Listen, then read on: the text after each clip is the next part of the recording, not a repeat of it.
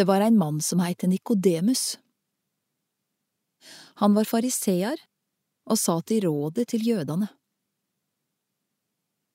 Han kom til Jesus om natta og sa, Rabbi, vi veit at du er ein lærar som er kommet fra Gud, for ingen kan gjøre dei teikna du gjør, uten at Gud er med han. Jesus svara og sa til han, Sannelig, sannelig, jeg sier deg, den som ikke blir født på nytt, kan ikke sjå Guds rike. Nikodemus sier til han, Korleis kan ein som er gammal, bli fødd? Ein kan vel ikke komme inn i morslivet igjen og bli fødd andre gongen? Jesus svarer, Sannelig, sannelig, jeg sier deg, den som ikke blir født av vann og ande, kan ikke komme inn i Guds rike.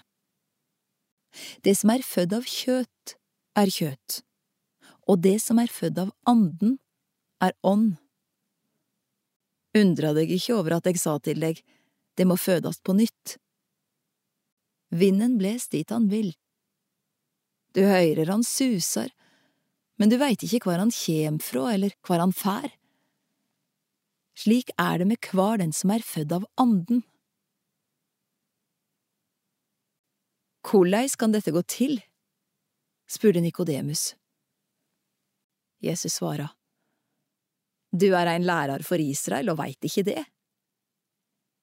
Sannelig, sannelig, jeg sier deg, vi taler om det vi veit, og vitnar om det vi har sett, men det tek ikke imot vitneutsegna vår. Dersom de ikke trur når jeg taler til dykk om de jordiske ting, hvordan kan de da tru når jeg taler til dykk om de himmelske? Ingen har stiget opp til himmelen utan han som steg ned fra himmelen, menneskesonen, som er i himmelen.